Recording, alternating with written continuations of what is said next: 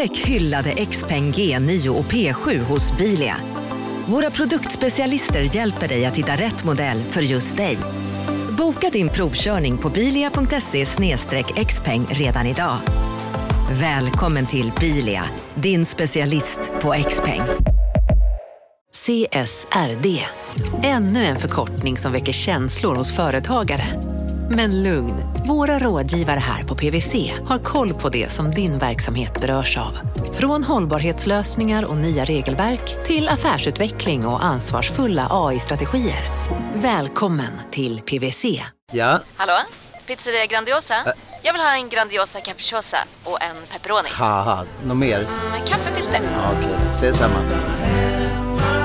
Grandiosa, hela Sveriges hempizza. Den med mycket på.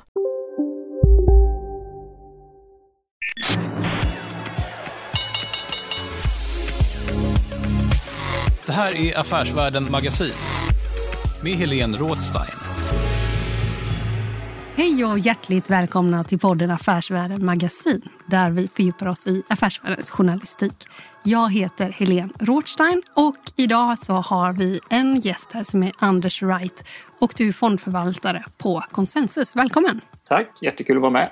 Du håller till i Lerum ju idag och vad är det? Det är två mil från Göteborg va? Precis, Ja. nordöst om, om Göteborg. Jag vet att du cyklar en hel del. Eh, hur lång tid tar det att cykla in till Göteborg då för dig? Ja, cyklar jag på så tar det en halvtimme. Eh, så det, det, det, det går fortare än med bilen i pendeltrafik i alla fall. Då är du snabb eller? Ja, det, allting är relativt, men, men eh, jag har väl blivit så kallad elitmotionär nu. Så att, eh, men eh, jämfört med de flesta så, så är jag nog relativt snabb. Mm. Du, du har haft eh, stora framgångar på senare år med snabbväxande innehav, inte minst inom teknik och underhållning i din fond. Det gick eh, jättebra förra året, men i år har det inte gått så bra. Vad säger du om det? Nej, men det är väl naturligt att vi inte riktigt kan hålla samma tempo som, som vi hade, hade förra året. Eh, vi var väl upp eh, runt 100 procent förra året. I år är vi väl upp 10 procent eh, per idag tror jag. Eh, Egentligen tycker jag väl att 10 på åtta månader är ganska, ganska bra. Då taktar vi eh, nästan 20 per år. Gör man det i, i det långa loppet så, så, så blir, det, blir det fantastisk avkastning. Så att, eh, vi är faktiskt relativt nöjda och vi tittar inte så jättemycket på index. Men det, men det är klart att gemene man jämför oss väldigt mycket med, med index. Eh, men fonden är ju, för att vara en fond så är den ju väldigt koncentrerad. Så att vi har ju mer, det påverkar, alltså de tio största bolagen i, i portföljen kanske är 80% av fonden. Eh, vilket gör att det, det är vår stockpicken som, som, som avgör väldigt mycket hur det går. Men även ifall du inte bryr dig så mycket, nu måste ju varit väldigt roligt. Förra året var ni ju nästan uppe 100 procent ändå. Hur kändes det? Nej, men alltså, alltså, mycket som jag, av jag, det jag gillar i det här jobbet är ju att jag, jag är en tävlingsmänniska.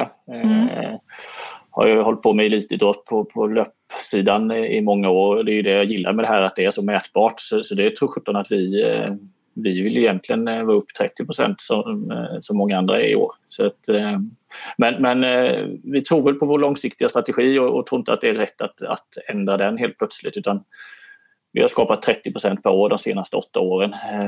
Och förra året var det ju fantastiskt kul såklart. Men, men, men det visar väl på att man måste alltid vara på tårna och liksom, hur det gick förra året har vi ingen nytta av i år.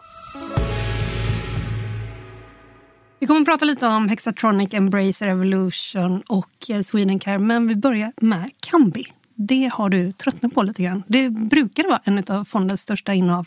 Men sen tappade de en nyckelkund här förra veckan. Och eh, då verkar ni ha tröttnat, eller?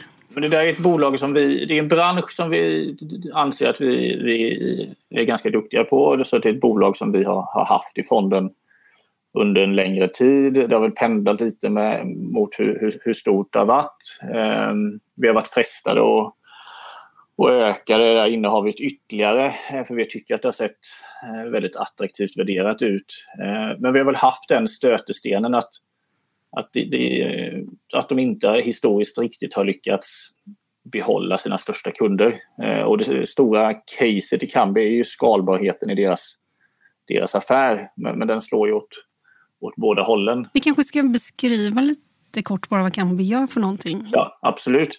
Eh, Kambi levererar ju sport, en, sport, en sportboksleverantör till, till operatörer. Mm. De flesta operatörerna väljer att, att köpa in det från, från en tredje tredjepartsleverantör. Men, Mm. men trenden nu på slutet har varit att fler och fler stora operatörer verkar vilja göra det in-house. Eh, vad det beror på, vet inte. Alltså det kan vara pris, det kan vara kontroll över, över sportboken. Och, och nu har man ju tappat... Och USA är ju det som liksom har triggat oss och många andra att här, det är en marknad som växer jättekraftigt. Eh, här har vi tyckt att här finns en jättestor uppsida här för Kambi. Eh, men med, med Penn nu då som väljer att utveckla sin egen sportbok så är det ju tredje stora kunden man tappar på, på de sista tre, fyra åren och sånt där. Ehm, och det gör väl att, att då, då eh, är inte bolaget lika, lika kittlande för oss. Ehm, vi vill ju ha eh, bolag som, där alla älskar produkten. Liksom. Eh, och uppenbart verkar det inte riktigt vara så. Ehm, Sen har vi inte liksom, det kan nog vara prisvärt, på den. den har ju fallit också på den här nyheten så att eh, det kan absolut vara, vara, vara köpvärt på de här nivåerna också. Men, men eh, vi har liksom tappat eh, det vi tycker var spännande med bolaget. Vi har fortfarande kvar ett, ett innehav men, men vi, vi bidar vår tid här lite grann och ser hur vi, hur vi tänker framöver. För det som hände, det var, som ledde då till ett kraftigt börsfall, det var ju att Kambis kund, eh, du säger Penn och det finns också, men det heter väl Penn National Gaming va?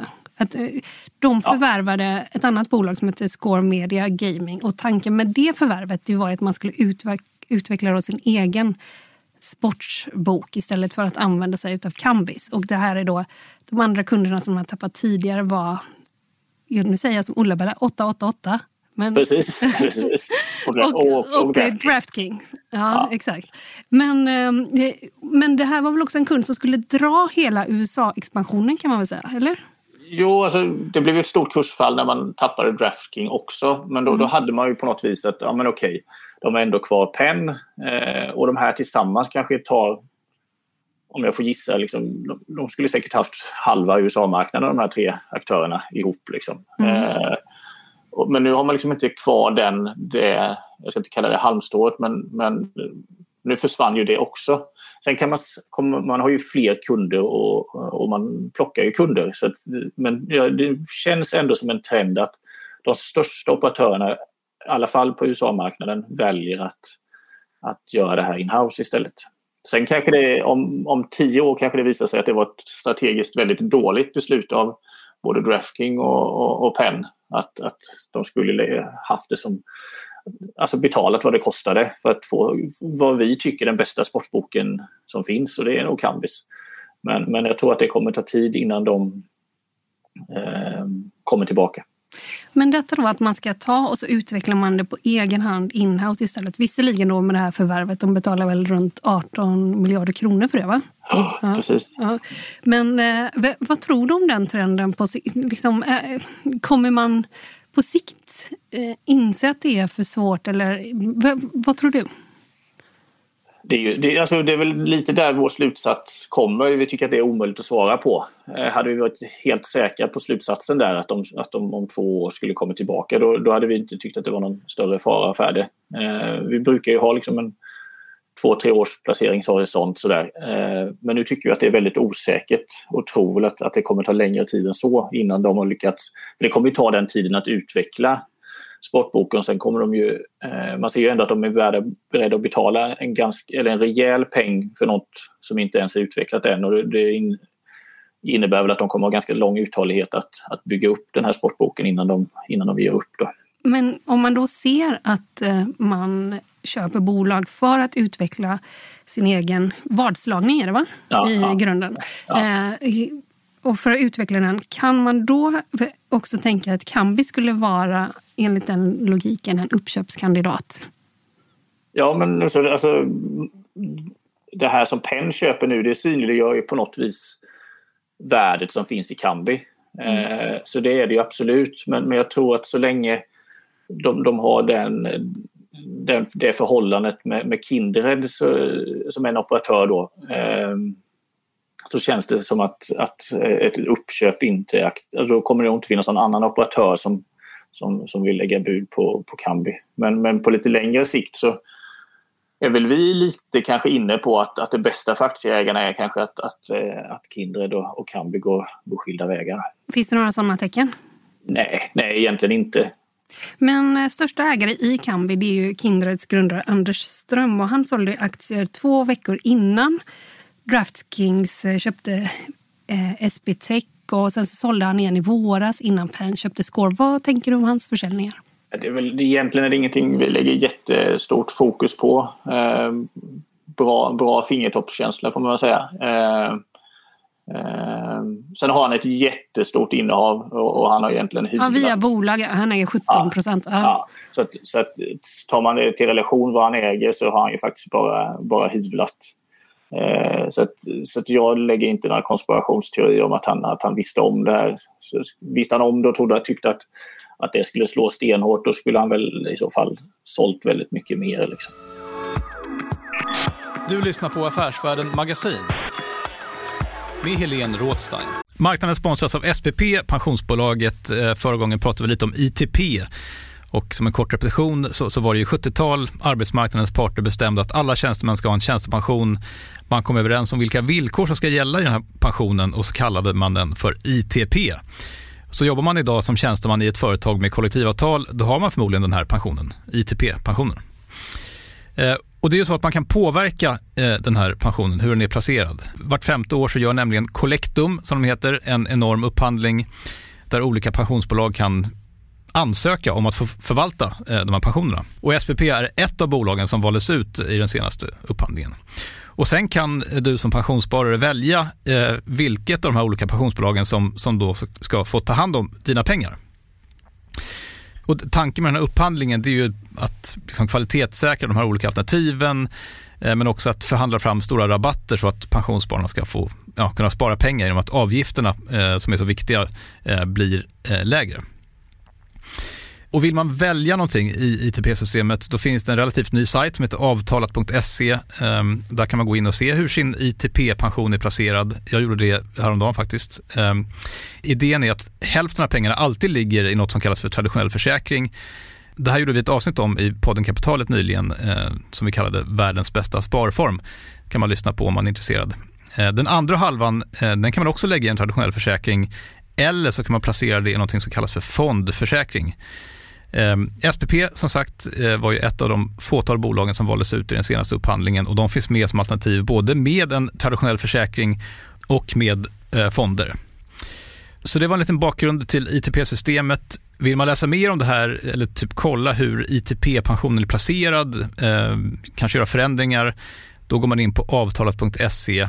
Eh, men tack säger jag till SPP som vill göra oss människor mer medvetna om hur enormt viktig pensionen är för oss som en framtida lön, men också som en positiv kraft i samhället eh, och förstås för att ni möjliggör eh, den här podden Marknaden.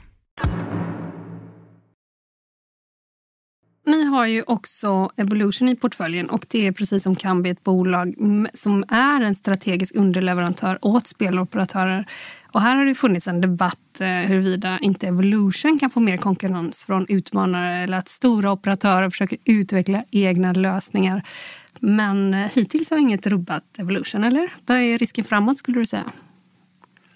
Ja, men, men, det är ju klart, alltså, alltså det, just nu har de ett monopol i, i USA nästan. Och jag skulle bedöma att de typ har 80 procent av marknaden. De har ju ett par konkurrenter, som, men hittills har de inte hållit måttet och de satsningarna som, som operatörerna har gjort själva har, ju, har inte varit tillräckligt bra. Eh, och den stora skillnaden här jämfört med Kambi är ju att då har man ju gjort de satsningarna parallellt med att man har kvar både, både Playtech och Evolution på, på sin hemsida. Och så får, kom, loggar kunden in och väljer den, det bordet som de tycker är, är bäst helt enkelt. Ehm, så det, det, det, blir en mer logisk och sund konkurrensbild där ehm, och då blir det slutkunden som, som väljer. Och hittills så, så har, ju, har ju slutkunden tyckt att Evolutions produkt är, är överlägsen. Det har ju funnits eh, långt tidigare eh, sådär diskussion bara hur, hur svårt är det det som Evolution gör? Eh, och, och på något sätt, jag tycker det är liksom att man... Varför är det så svårt? Så att säga? Varför är vallgravarna, tycks de vara ändå så pass höga som de är? Ja, eh, det där har vi också brottats med hela tiden. Eh, på något vis bevisar väl siffrorna och, och, och det där väldigt mycket och alla försök. Eh, ta bara Netent, hur många år de, som ändå är ett etablerat företag i branschen med väldigt stort kunnande. Eh, satsade ju otroligt mycket pengar och många år med att försöka komma upp med en, med en likvärdig produkt utan att faktiskt vara utan att lyckas. Då. Eh, så att vallgravarna är bevisligen stora. Var, varför, eh, om vi ska förklara kort vad Evolution gör för någonting. Ja. Nej men alltså man eh, istället för, vad ska, hur ska man säga, om man tar, hårdrar, det som debaclerna säger då att men vad sjutton, de har bara en videokamera så, så Och så filmar man en kasinobord. Så, så filmar de Black Jack-bordet och, Ja. så, och, och så tittar man på det och så spelar man i realtid. Det Ja. kan ju inte vara så svårt att, att sätta upp det. Men, men sen gäller det liksom att få, få säkerheten i det här. Eh, få spelarna att känna att, att det inte... Det är superviktigt att spelarna känner förtroende att, att det inte eh, förekommer något fusk. Och att lyckas få oss att inte eh, omvänt eh, så är det jätteviktigt, eller otroligt viktigt för, för operatörerna att känna att, att, att spelarna inte lyckas hitta ett mönster eller hitta ett sätt att räkna korten hemma. Liksom. Jämför om du sitter med ett fysiskt kasino lägger hur mycket kraft som helst på att, att duktiga matematiker inte sitter och räknar korten. Då kan du tänka dig att när du sitter hemma vid din dator så, så är det klart att du har ett jätteprogram som försöker räkna ut vilket kort som är störst. Alltså när, vart efter lek. Det, finns ju, det är ju sannolikhetslära liksom, så att det går ju att räkna på det här. Eh, så där måste man ju lägga otroliga resurser för att annars så, så kommer operatören eh, tappa. Alltså i kasino så är det så att i det långa loppet så vinner ju, vinner ju huset hela Mm, tiden. mm. Eh, men är det någon spelare som hittar en fördel och ett sätt att kunna ändra den sannolikheten eller det, det oddset, då är man ju körd. Liksom. Så att, eh, det måste hålla väldigt bra kvalitet åt, åt båda hållen. Och sen har man ju, eh, sen får man ju säga att, att det, det, det drivet och det uppfinningsrikedomen eh, och nöjesmaskinen som Evolution har blivit är ju mycket, mycket mer än, än vad det var från början som när det kanske bara var ett blackjack-bord. Nu kommer ju väldigt mycket intäkter liksom ifrån helt andra typer av, av spel och underhållnings... Så att bolaget själva vill ju gärna jämföra sig liksom med Ja, men vad gör du när du har en timme över? Liksom? Antingen sitter du och tittar på Netflix eller eh, Youtube eller så kanske du fördriver tiden med, med att spela lite på, på Crazy Time på, på, på Evolution. Har du gjort det?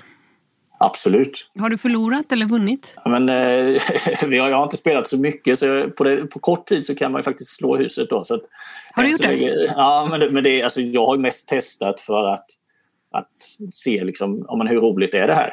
Eh, eh, hur bra är spelet och finns det liksom ett, ett, ett nöje i det? Och, och jag håller ju faktiskt med där. Det, det är så pass kul så att det faktiskt är roligt att bara sitta och titta när andra spelar. Eh, Man pratar lite om att Europa är ganska mättad marknad här för Evolution och eh, att man blickar mot Asien va, som är den mest, eh, den snabbast växande regionen för dem. Är, är, är det så eller? Men både USA och Asien är ju, är ju de marknaderna som, som ska dra tillväxten framåt. Eh, även övriga Europa utanför Norden växer ju bra. Liksom. Eh, men, men absolut är det så. Och det som är spännande här är ju att dels är det ju mycket större marknader. Eh, så att det finns ju mycket större värde i dem och sen så växer de ju betydligt snabbare. Så det är, det är ju fantastiska tillväxtsiffror. Och nu börjar det ju synas eh, även på totalen då och, och det kommer ju bli större och större effekt vartefter de här marknaderna är större andel av, av Evolutions totala omsättning. Så att, eh, snart kommer ju Asien vara den största marknaden och det är också den marknaden som växer snabbast. Och då kanske det är viktigt att poängtera att det är inte Kina som gäller här. Eller hur?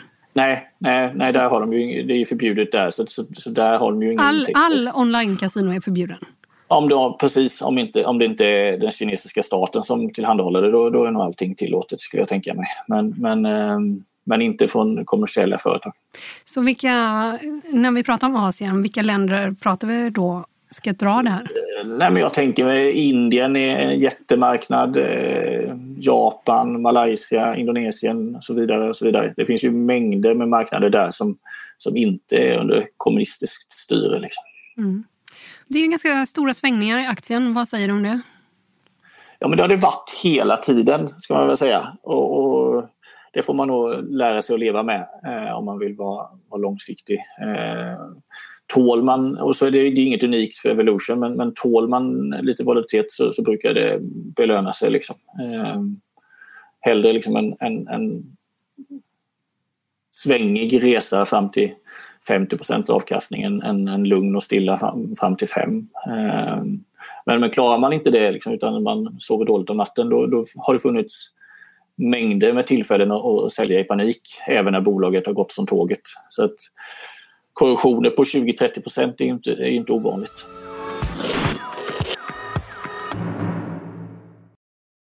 Eh, marknaden sponsras av Karla. Eh, vi pratar ju en hel del om bilar här på kontoret. Eh, Karla har ju skapat, skulle jag säga, det som är standarden för hur man idag köper och säljer bilar på nätet.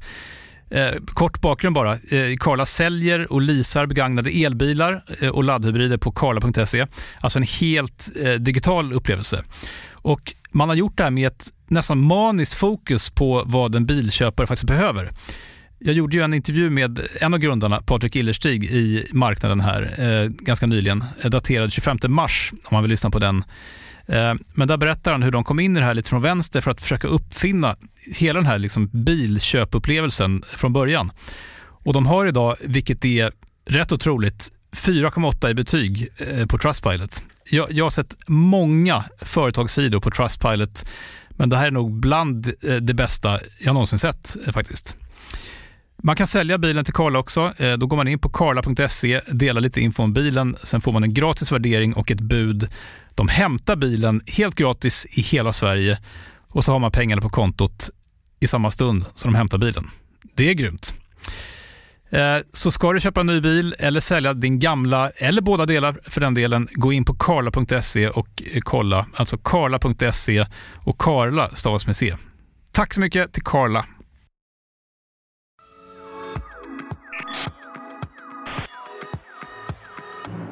Jag tänkte vi byter bransch helt och hållet och eh, för ett annat av eh, fondens eh, större innehav det är ju djurhälsobolaget Swedencare som är väldigt högt värderat, eller hur? Ja, man, man, man, får ju ha, man får ju ha en, och det gäller väl många av de här bolagen, att, att i och med att de växer så kraftigt så tittar man på, på rullande 12 så, så är det svårt att räkna hem bolagen. Så är det. Utan man måste ju ha en, en tro på att, att den här tillväxten fortsätter och våga titta kanske två, tre år, år framåt. Mm. Eh, och det tycker vi att det är, eller det är ofta marknaden inte gör det. Och det har väl varit lite våran edge att, att vi vågar titta lite längre framåt.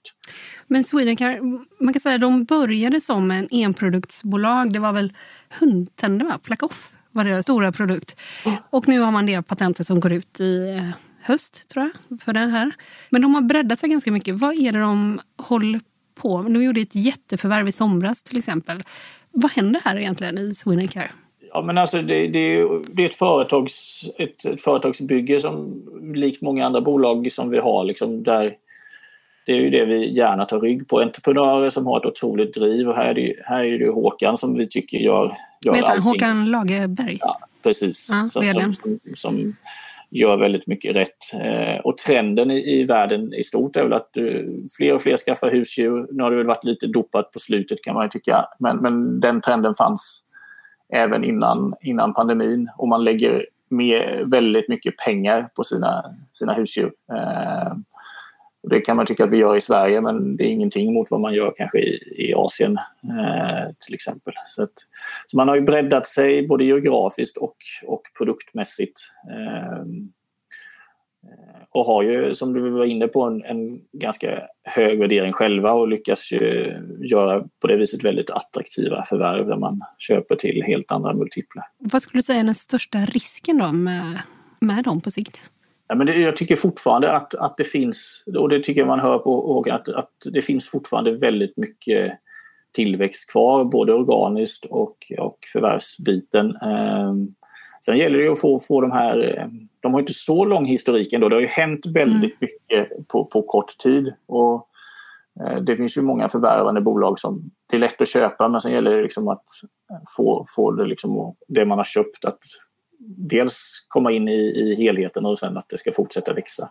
Så där finns det väl en, en risk såklart. Och sen har väl vi hyvlat lite vart efter på grund av att, att värderingen är så hög som den är. Ehm, det är fortfarande topp fem innehav och det kommer det fortsätta vara. Men, men, men ehm, det finns ju en eh, minsta lilla tendens att den här tillväxten stannar av så då, då är ju bolaget eh, för högt värderat. Vi spelar in fredagen den 13, 13 augusti och igår så kom Hexatronic med en rapport och aktien bara sköt i höjden på rapport och eh, eh vad ska man säga, det är ett bredbandsfiberbolag va? som ni har haft ganska länge. Um, yes. Vad tar du med dig från rapporten? Ja, men, eh, att det där vi har pratat om och hoppats på i, i två, tre år börjar spela ut. Eh, nu, nu, går man och visar på att, och det har vi sett i ett antal kvartalsrapporter nu, eh, men nu får man ytterligare tecken på det, att nu, nu lyckas bolaget eh, väldigt väl på, på marknader utanför Sverige. Eh, nu, nu, växer liksom eh, USA och Tyskland med, med 100 procent i, i kvartalet. Eh, man får skaleffekter på den ökade omsättningen så att marginalerna hamnar betydligt högre eh, än vad man haft historiskt. Då. Eh. Men vad, vad, gör de rent konkret? De har liksom en installationslösning för då bredbandsfibrer. Va, vad gör de konkret för någonting? Precis, de, köper, de tillverkar inte fibern själva utan det, det köper de. Eh, men sen så erbjuder de ju ett, ett helhetspaket till, till eh, teleoperatörer kan man säga eh, som sen då gräver och installerar. Så de sköter ju inte den utan de är en, en produktleverantör till, till Telia till exempel i, i Sverige. Då. Och de köpte Ericssons fabrik eh, för, för några många, år sedan? Ja, eller? många, många år sedan så köpte ja. de ju en, en kabelfabrik eh, uppe i Hudiksvall som, mm. som var egentligen starten på bolaget och, och lyckades ju göra det i en väldigt bra timing eh, inför att Sverige rullade ut fiber på, på bred front. Och, och ofta är det här styrt av, av politiska beslut och likaså var det ju i Sverige. Så då kom det ju någon målsättning att 90% av alla hushåll skulle, skulle ha eh, fast bredband in till hemmet. Eh, och 80% löste man väl relativt snart och sen är det ju alltid så att det sista landsbygden och sådär tar, tar längre tid. Men, men det var ju en jätte var man då bäst och, och, och hade ett bra erbjudande så var det ju en väldigt bra period för bolaget. Eh, som tur var så insåg väl bolaget att till slut kommer, kommer Sverige vara, och mättat. Så, så man började liksom treva utomlands eh, eh, med, med, med, sitt kunnande och, och, och sådär. Och, och identifierade väl liksom tre marknader, Tyskland, eh, Storbritannien och USA där, där utbyggnaden fort, var väldigt låg eh, och precis liksom börjat. Vi pratar liksom en utbyggnad under 10 procent i de här länderna. Eh, men här finns det liksom, även här nu då politiska beslut att, att, att man ska liksom erbjuda fiber in till hemmet till, till väldigt stor andel av befolkningen. Och jag tror att det som hände förra året fick nog många, många länders regeringar att inse att, att, att det är en väldigt viktig del av, av infrastrukturen att man har ett eh, bra fungerande eh, internetuppkoppling. Men det känns som nu då när man ska rulla ut i liksom USA, Tyskland, Storbritannien, för det är de tre marknaderna fortfarande. Ja. ja. Nej, bland annat, ens... de, finns ja. även i, de finns även i Australien och Nya Zeeland. Och så, där, så men, ja. men, det är väl de där man ser störst potential framåt i. Det. Men de är inte ensamma om att hålla på med absolut, det här? Absolut inte. Och, och de kommer inte ta den största delen av av kakan. Eh, eh, men det behövs inte heller eh, med tanke på hur pass litet, litet bolaget är. tar de, tar de sin, sin bit av tårtbiten här så räcker det väldigt, väldigt långt.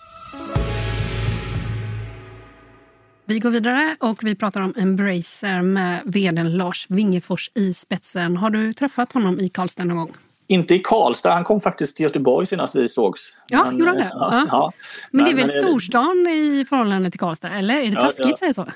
Ja, det, det, tycker nog han, tror jag. okay, ja. Men det står på agendan att komma upp och träffa honom i, Karlstad. Mm. Men du, kursen eh, backade på nyheten om att de gör flera förvärv. Tidigare har man ju aviserat förvärven i samband med eh, rapportsläpp. Det gör man inte längre, eller hur?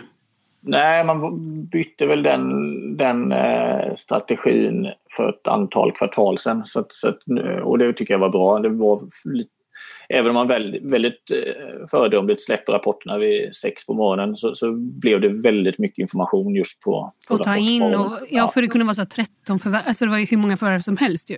Ja, Eller precis. många gånger. Ja. Men att eh, kursen backade på den nyheten, hur eh, ska man förstå det? Nej, det, det, ska man nog inte förstå, eller på att säga. Jag, jag, jag, tyck, det är ditt det jobb en, att säga så. Ja. Ja, nej, jag tyckte det var en ologisk rörelse. Och, och återigen det där, liksom, marknadens kortsiktiga um, rörelse är väldigt svår att förstå. Uh, och vi lägger inte någon tid på att försöka förstå det heller. Uh, uh, men, men ska man spekulera i det så kan man väl tycka att den allmänna Just nu så, så är liksom det allmänna sentimentet kring eh, dataspel eh, lite sämre. Eh, mm. och man drar liksom alla dataspel över en kant. Eh, många har ju väldigt svåra jämförelsesiffror nu i, i Q2 eh, mot förra året där, där, man hade nytta av, av pandemin.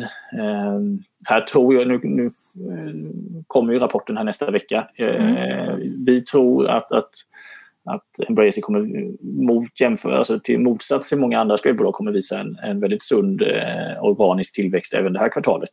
Mm. Eh, så jag tror att här gäller det liksom att hitta russinen i, i kakan och utnyttja att, att marknaden säljer allt som har med, med dataspel att göra just nu. Då. Ehm, sen, sen kan man väl säga att vi hade väl hoppats på ett, för ju, de tog in pengar för ganska länge sedan eh, och har ju fortfarande väldigt stora resurser. Så vi hade väl suttit och hoppats på ett ett större förvärv och kanske inte inom mobilspel utan mer på, på datasidan. Mm. och det kom det ju inte. Och vi blev väl kanske lite besvikna på det men det gör ju inte att vi, att vi ändrar synen på, på bolaget. Alltså vår, vår treårsprognos står ju fast. Men, men det är långt ifrån alla som är så långsiktiga. Utan den lilla besvikelsen på det förvärvet, det kanske var många som satt inne och väntade just på att förvärvet skulle komma. Och sen när man då tycker att Nej, men det där var inte det jag har hoppats på. Då blir det kanske ett, ett säljtryck just den dagen. Hur ser den prognosen ut då? Ja, alltså redan, redan nästa, nästa år så tycker vi att bolaget värderas liksom under, under tio gånger vinsten. Eh, så man behöver, just, just nu behöver man inte räkna så länge för att tycka att det är väldigt köpvärt. Eh, vi tror ju att, att, att de kommer kunna lyckas växa organiskt eh, och vi tror att han kommer fortsätta göra värdeskapande förvärv. Och så länge vi ser det så, så behöver, behöver vi liksom inte sätta en exakt siffra på, på... Det är väldigt svårt att sätta den i och med att, att han gör så pass mycket förvärv. Eh, men vi är väl ganska övertygade om att, att de siffrorna som, som analytikerna har för, för 2024 så är alldeles för låga. Det får vi ju se. Det får vi se, ja. Precis. Får jag bara fråga, för något år sedan eller två år sedan jag kommer inte riktigt ihåg, så hade man ju för lite på mobilsidan tyckte, vet jag, Lars Wingefors själv. Vad säger du om det? Nu sa du att vi hade hoppats på ett större förvärv som inte var mot mobil.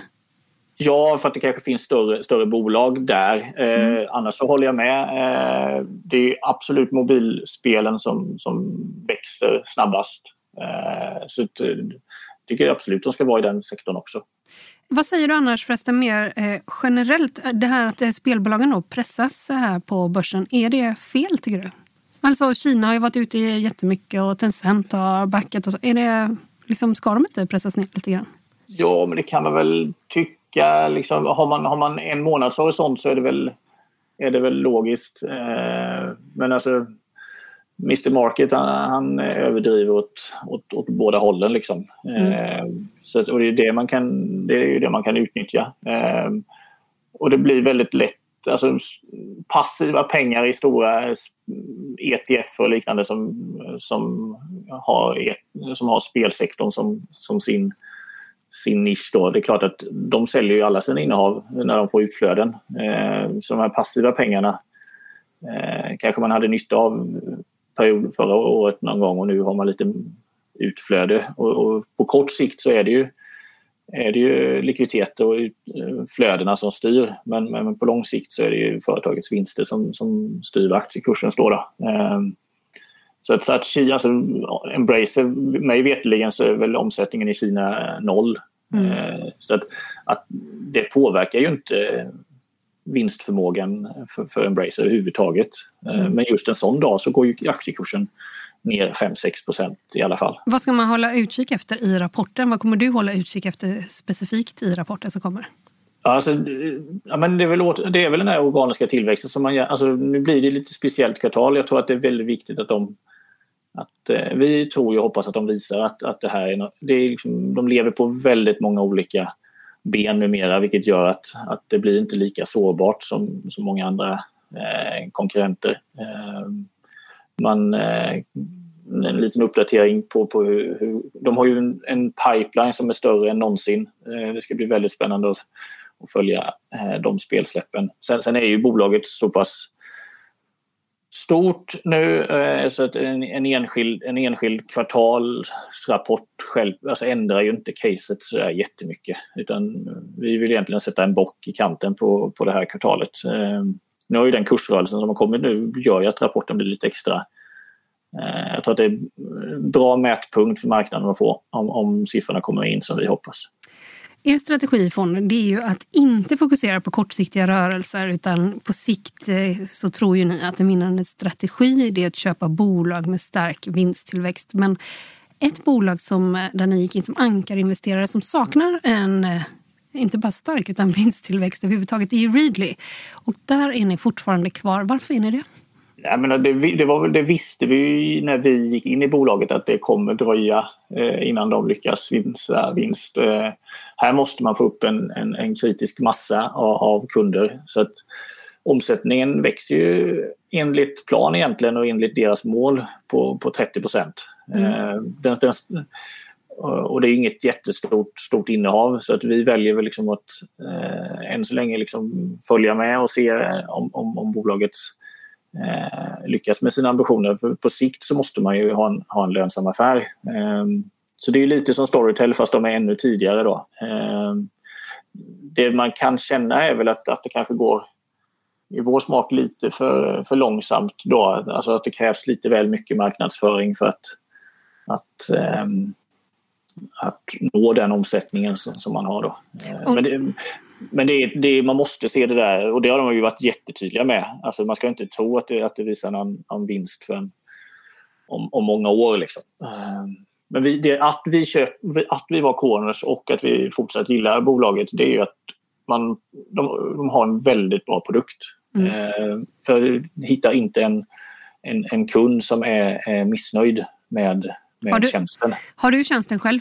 Absolut. Man måste vara, det, det är det man kan göra, liksom, testa sina investeringar. Mm. Så att man får ju, för 99 kronor så får man ju mer tidningar än vad man någonsin kommer hinna, hinna läsa inom, och, och i alla möjliga olika segment och, och, och, och branscher. Så mm, jag, vet, liksom, jag vet att det är så, men en sak är man glömmer ju ibland att läsa. Det är samma som med Storytel eller vad det kan vara.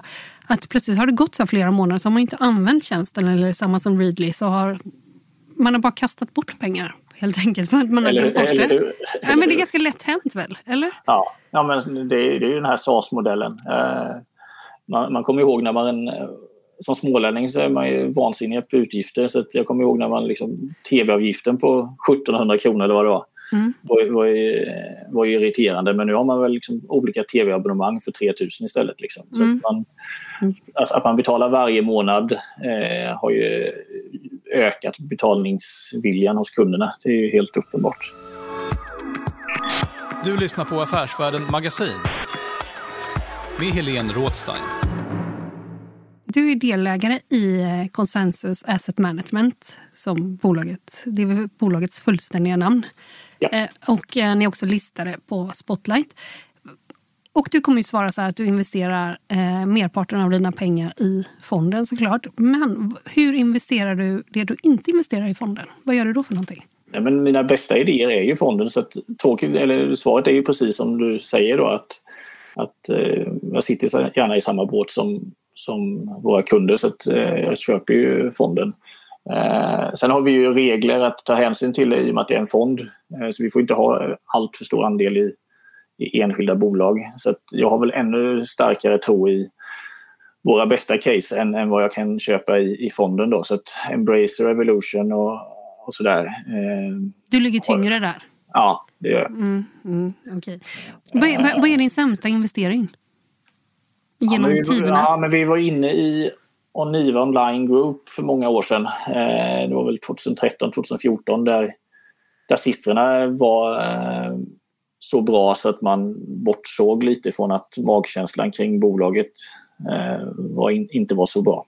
Eh, och det skulle man inte gjort. Eh, så där förlorade vi nog 80-90% av vår investering. Eh, och det var liksom kokade böcker och, och, och sådär. Eh, och det där är väldigt svårt att skydda sig ifrån som, som aktieägare. Eh, och det är den risken man tar lite och även om man får ju aldrig tillbaka sina pengar liksom, även om det skulle vara så att, att eh, företagsledningen eh, åker i fängelse. Liksom. Men det är svårt att lita på magkänsla innan man har erfarenhet. Utan det bygger man ju upp. Liksom. Eh, så jag skulle säga att jag räknar ju mindre kassaflödesmodeller idag än vad jag gjorde för 15 år sedan. Och mer magkänsla liksom? Ja, faktiskt. Ja. Din bästa investering då, vad är det? Ja, i alla, sen jag började så är det nog ett bolag som hette VBM som sedermera blev, blev Björn Borg. Eh, det tror mm. jag är i procenten. Den, eh, det gick i alla fall väldigt snabbt där. Jag tror det var 3000 procent på, på tre år eller något sånt där. Mm. Eh, väldigt duktig företagsledning som sen också hade lite... Dels blev det något svenskt eh, klädunder, så klädesbolag värderades till P30 istället för P10. Eh, och sen gick ju alla, sen hade man lite tur med modet att, att folk gick med byxorna halvvägs ner och visade sina kallingar. Så att Björn Borg blev ju väldigt exponerat där. Så att... Saknar du det där modet? Nej, det var någonting jag studerade på avstånd tror jag. Men, eh, men det var väldigt bra för bolaget. Mm. Ni har i princip sålt hela Kambi. Det var tidigare ungefär 5% av fonden. Vad ska ni köpa för pengarna? Ja, eh, man ska, man, eh, det vet vi inte än. Eh, de, man, pengarna bränner inte i fickan än så länge utan vi, vi, vi bidar vår tid där. Men vi, vi ökade faktiskt i Hexatronic igår. Vi tycker att den är billigare än innan rapporten. Så man kan ju tycka att den gick upp mycket men jag tror att vinstestimaten kommer revideras upp ännu mer än de där 15 procenten som den gick upp igår. Eh, mm. Sen letar vi eh, lönsamma tillväxtbolag med en, med en sund affärsidé som vi förstår. Och när vi väl hittar det så, så, så ska vi sätta de där pengarna i, i arbete. Eh, sen, och sen kommer vi öka i, i favoriter i fonden som, där, där det dyker upp lägen. Liksom. Det blir spännande att följa framöver. Jag säger tack till dig Anders Wright, fondförvaltare på Consensus. Du förvaltar Consensus småbolagsfond. Tack för att du var med i podden Affärsvärlden Magasin. Tack själv, jättekul att vara med. Du har lyssnat på podden Affärsvärlden Magasin med mig, Helene Rådstein. Jag är reporter på Affärsvärlden och mer information om Affärsvärldens journalistik det hittar du på affärsvärlden.se. Där finns reportage, intervjuer och det finns massvis utav analyser och massa annat. Även IPO-guiden ska man inte glömma. Och den här podden, den är tillbaka om en vecka eller två. Håll ut! Hej då!